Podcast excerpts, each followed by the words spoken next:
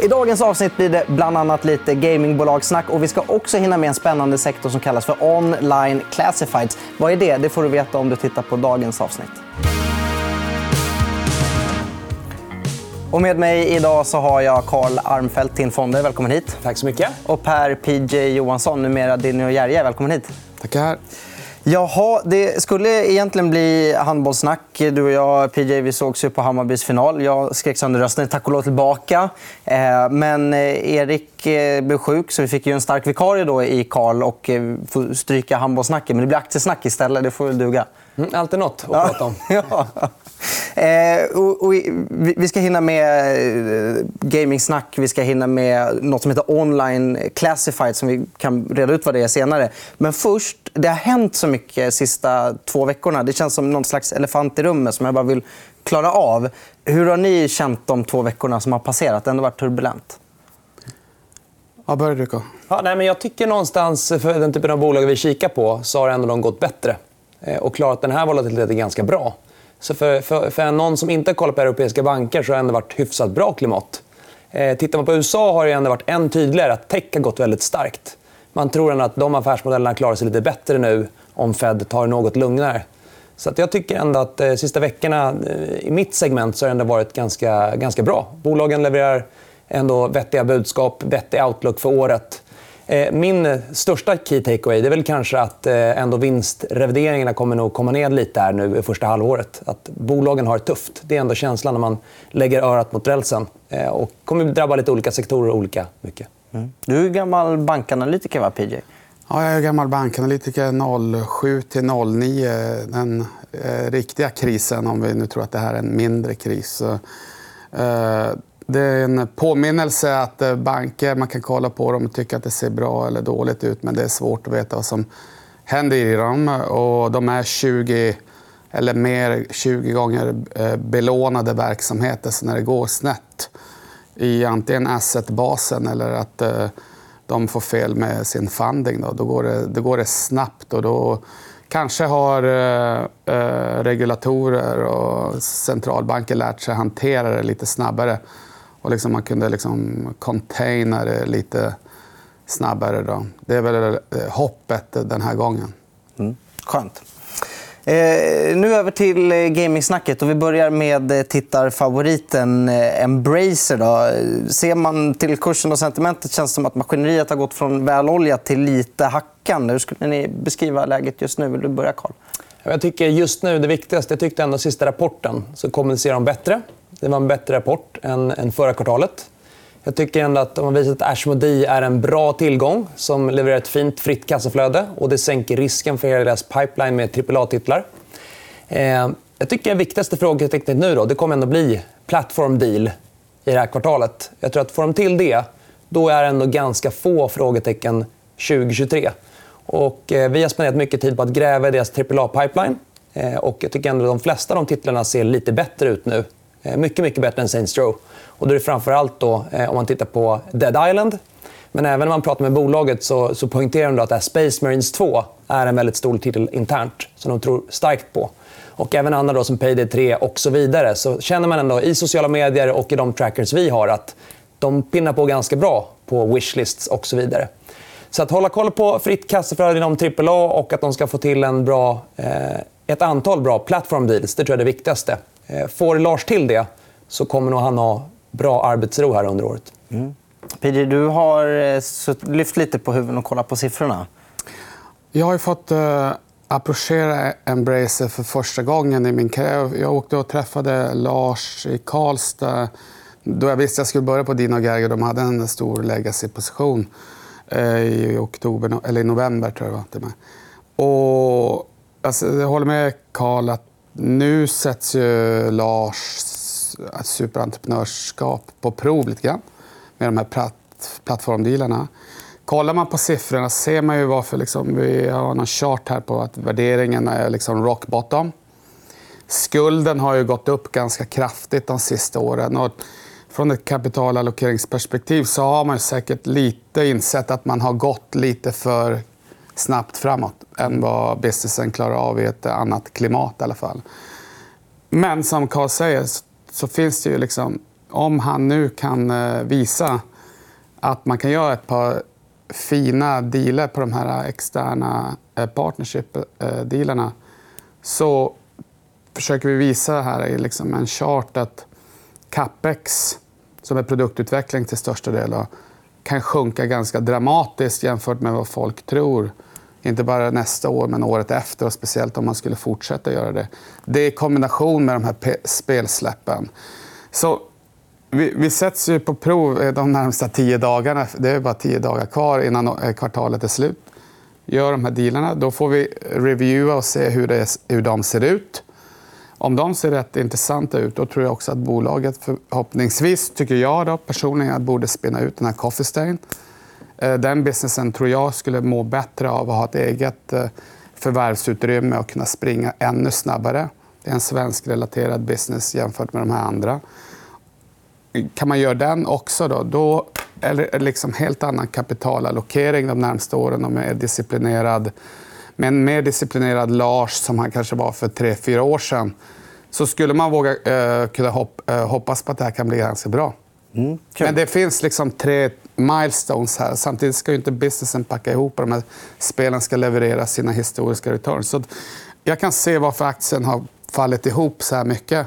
Jag kan också se vad det är liksom två, tre grejer som ska driva att aktien kanske börjar faktiskt funka nu igen. Mm kan säga det till de tittarna som inte är så vana vid finanslingo att capex är investeringar. kan man säga. Men, men eh, vi såg ju också på P-talet som fladdrade förbi att ribban att hoppa över nu är ju ganska låg. Alltså förväntningarna är ju ganska låga. Gör det lite lättare för dem att överraska på, på uppsidan. kanske inte krävs jättemycket för att aktien ska ta fart igen. Jag tycker de bara ska ta ett steg i, åt gången i rätt riktning kvalitetsmässigt. Nu har de bytt IFRS, de har bytt börslista. Gör någon plattformdeal så kommer nettoskulden komma, komma ned lite. Eh, lite mer säkerhet kring kassaflöde inom brädspel och sen se lite mer kassaflöde inom AAA. Då blir det ändå ett väldigt annorlunda dager till slutet av 2023. Mm. Sen ska man inte glömma, då, tillbaka till makro. När ska man kanske börja köpa lite mer konsumentrelaterat? Det enda vi har med stor konsumentrisk det är egentligen dataspel.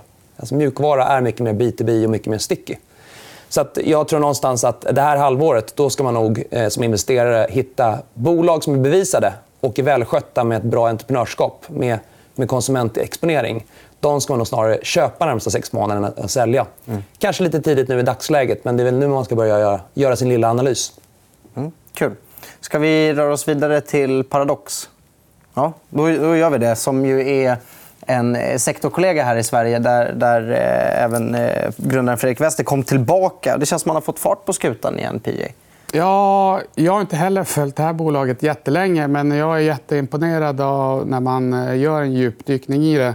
Det jag tycker är det absolut mest intressanta, förutom vad de håller på med, är liksom den här om liksom den interna omstruktureringen man gjorde när Fredrik Wester kom tillbaka. Hur man allokerar kapital, hur man tar risk med produktutveckling och liksom hur man satsar på spel. Att man inte släpper alla högriskprojekt eh, men att man satsar på det som är core, core business och släpper massa... Eh, kanske lite liksom att de got carried away och nu har liksom tänkt igenom det. Det tycker jag är liksom den investerbara tesen varför någon som jag vill kolla på det som inte är liksom, liksom en gaming-specialist förutom att de har liksom ett otroligt fint nischat eh, liksom monop eh, monopol eh, inom sina liksom, nischer. Då.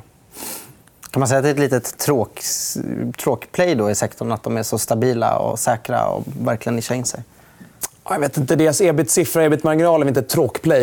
eh, hur många andra dataspelsbolag i världen har en ebit-marginal på 48 eh, Inget annat. Ja. Så att, eh, någonstans man tänker lite stort. då. Alltså, varför har Alecta och varför har Konsum det tufft? Ja, det är inte direkt de mest entreprenörsdrivna organisationerna. Vilka organisationer finns det då inom dataspel som har riktigt duktiga entreprenörer? Då tycker jag ändå i vårt univers att Paradox, Embracer, Take-Two Interactive och även Frontier i Storbritannien det är en av de fyra bolag som vi ser har störst inslag av entreprenörskap. Så att, eh, eh, Paradox har sin otroligt fina kärna. Eh, vi har försökt nörda ner oss ordentligt nu också i deras nya titlar. Här I måndags hade de en stream för Life by You som ska bli deras Sims-dödare. Och det man kan säga var att mottagningen var otroligt positiv. Och de lyckades med att göra det inom kategorin SimCity. Eh, så att de har ändå ganska många skott på mål. Det är inte bara en titel, utan många nu eh, som känns genomarbetade och lite lägre risk. Samtidigt då som de fortsätter med sin kärna, att göra innehåll till existerande titlar. Så det, de, de känns väldigt framåtlutade, de har stort självförtroende. Det gick faktiskt lite snabbare än vi trodde för bolaget att prestera så här väl finansiellt efter att Fredrik kom tillbaka. Det var ingen självklarhet. Och det var väl det som vi la mest tid på att analysera för två år sedan. Så att eh, enda pushback nu för Paradox är att det är kanske det mest älskade bolaget värderingsmässigt inom sektorn. Så idag är väl Embracer där Paradox var för två år sedan, sentimentsmässigt. Men, men jag tycker att alla de investeringar de har gjort, de har legs. Och det är inget som slutar i år.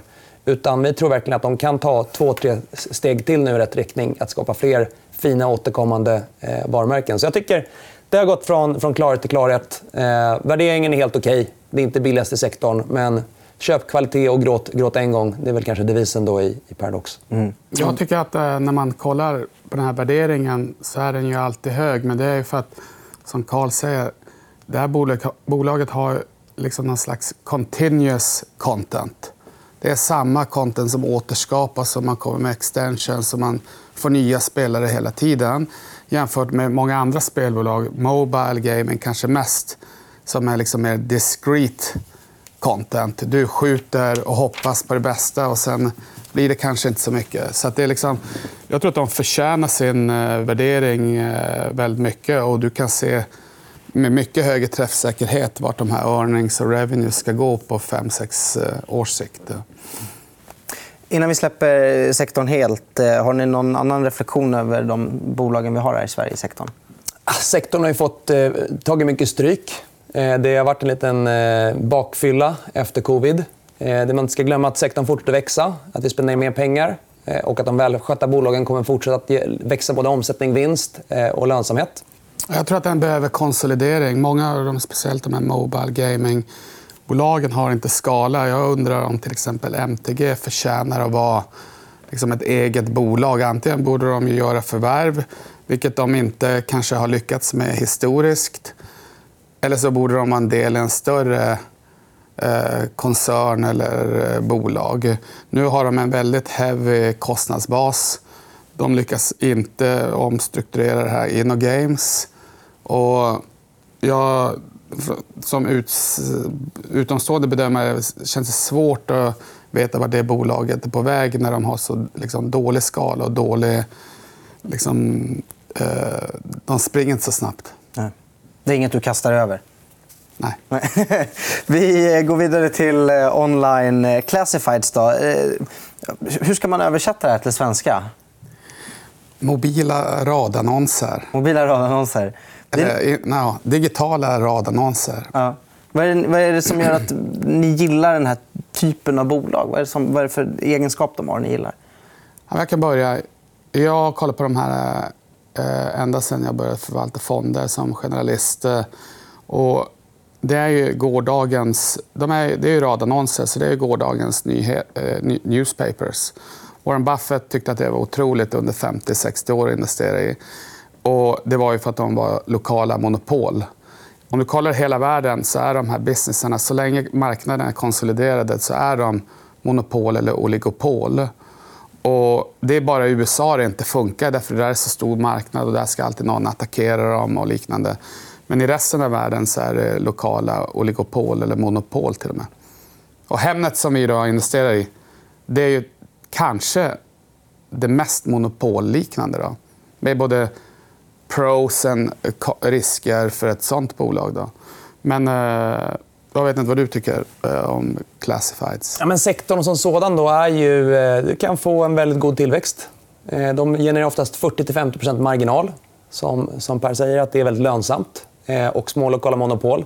Sen har vi haft ett antal champions. Hemnet är ju ett väldigt välskött bolag. Men, men Schibsted och Adevinta har ju också varit i bräschen för det här globalt. Så det finns väldigt många i Norden som är duktiga på det här. Och de gick ut tidigt och köpte till exempel då franska motsvarigheten Leboncoin. Så det är ändå en sektor som vi båda spenderat mycket tid på och som över, över tid då har genererat väldigt mycket aktieägarvärde. Så på så sätt så är det, tickar många boxar för vad en attraktiv affärsmodell eh, ska utgöra. Och, och där är radannonser i synnerhet eh, intressant. Mm, kul. Eh, vi börjar att beta oss igenom Hemnet då, eh, och titta på lite bilder som eh, PJ har med sig. Eh, vi har, kan börja med den här. Då. Här har vi Hemnets genomsnittliga intäkt per publicerat objekt. Ja, den är en del i... Eh, ibland när man pratar Hemnet med eh, investerare eller folk eh, generellt så tänker man att det där är en väldigt mogen asset. Fastighetsmarknaden i Sverige är mogen. Och det har man ju rätt i. Det är mogen och transaktioner växer kanske bara med en 1-2% per år. Och nu går de ner till och med. Men om man kollar på det här som heter ARPL. Eh, det är liksom pris per eh, listing. Då. Pris per annons. Den går stadigt uppåt hela tiden. Och dels är det pris, men det folk tror jag då underskattar är hur den liksom, bara för nåt år sedan har, ett år sedan eller två, har man liksom segmenterat prisnivåerna i olika delar. Då. Och liksom, tanken är att det ska vara väldigt få som är premium. De ska vara väldigt dyra för att de ger mervärde. Och kollar man då på den här charten ser man att Hemnet ligger långt bakom andra länder i vad de här radannonserna kostar. Och då säger man ja, det är alltid liksom, vad är max i det här? Då? Men om du kollar på det här RIA Group, som eh, Carl kan mycket bättre än mig, så i 15 år så har det varit liksom diskussioner. Vad är max? Och det går upp hela tiden. Eh, så jag tror att man har väldigt långt eh, att gå i Hemnet och det kommer att vara lite start och stopp ibland. Men om man kollar på det på väldigt lång sikt. Nu, i och med att liksom listings faller ihop och folk är oroliga över fastighetsmarknaden så har aktien kommit ner till eh, liksom, väldigt rimliga nivåer. Kolla på det här Rightmove, eller RIA, så har den under 10-15 år handlats mellan 25 och 35 gånger earnings. Och visst, ibland är det 20, 25, men ibland är det 35. Men liksom, över tid så får den där utväxlingen så länge de levererar. Mm. Och där såg vi också att vi har fått ner värderingen i eh, Hemnet. Ja. Just det. Och du, eh, ni äger RIA Group, va? Eh, I vår globalfond så har vi RIA Group, ja. som vi tycker är ja, väldigt duktiga. Men vi har även Rightmove, som nu har fått en, en svensk vd.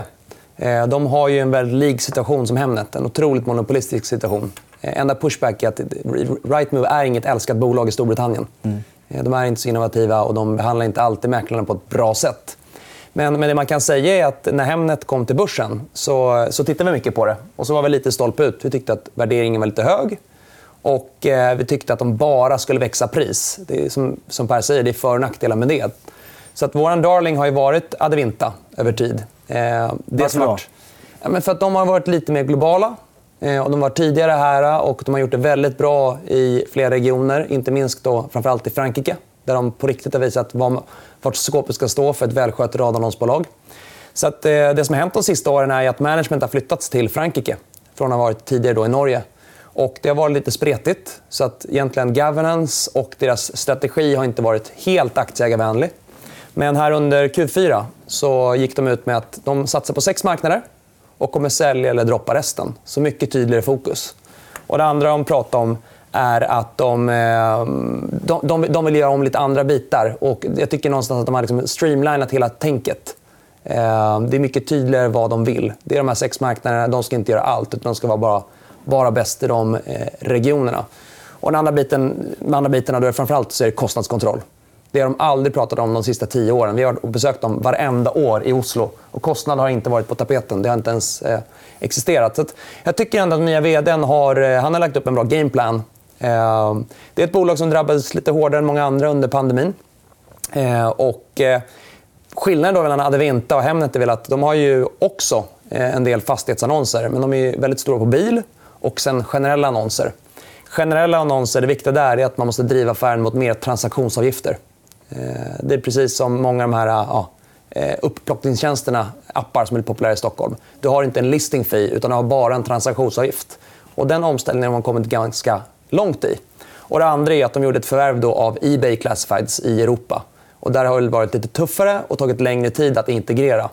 Så att, så att Adevinta är lite billigare än Hemnet idag. Eh, de växer lite snabbare. Jag tycker att båda är jätteintressanta. Och vill man ha fler liksom, positioner inom det här segmentet så tycker jag också att Hemnet nu på de här nivåerna är mycket mer intressant. Då ska man nog göra lite jobb. Så att, där har du inte helt fel i alla fall. Nej. Håller med om det. Bara halvfel. Eh, Eh, tiden går fort när man har roligt. Eh, vi skulle ju ta ett lite längre, eller ta ett litet bettingbolagssnack också. Men det hinner vi inte med. Utan vi får runda här och så får vi ta det nästa gång vi ses istället. Tack så mycket för att ni kom hit, Karl Armfelt och Per Johansson. Tack själv. tackar. Du har lyssnat på EFN Marknad, en podd som produceras av EFN Ekonomikanalen. Du hittar programmet även i videoformat på Youtube och på efn.se. Kom ihåg att prenumerera på podden och följ oss gärna på Instagram för fler aktietips. Där heter vi EFN Aktiekoll. Ansvarig utgivare är Anna Fagerström.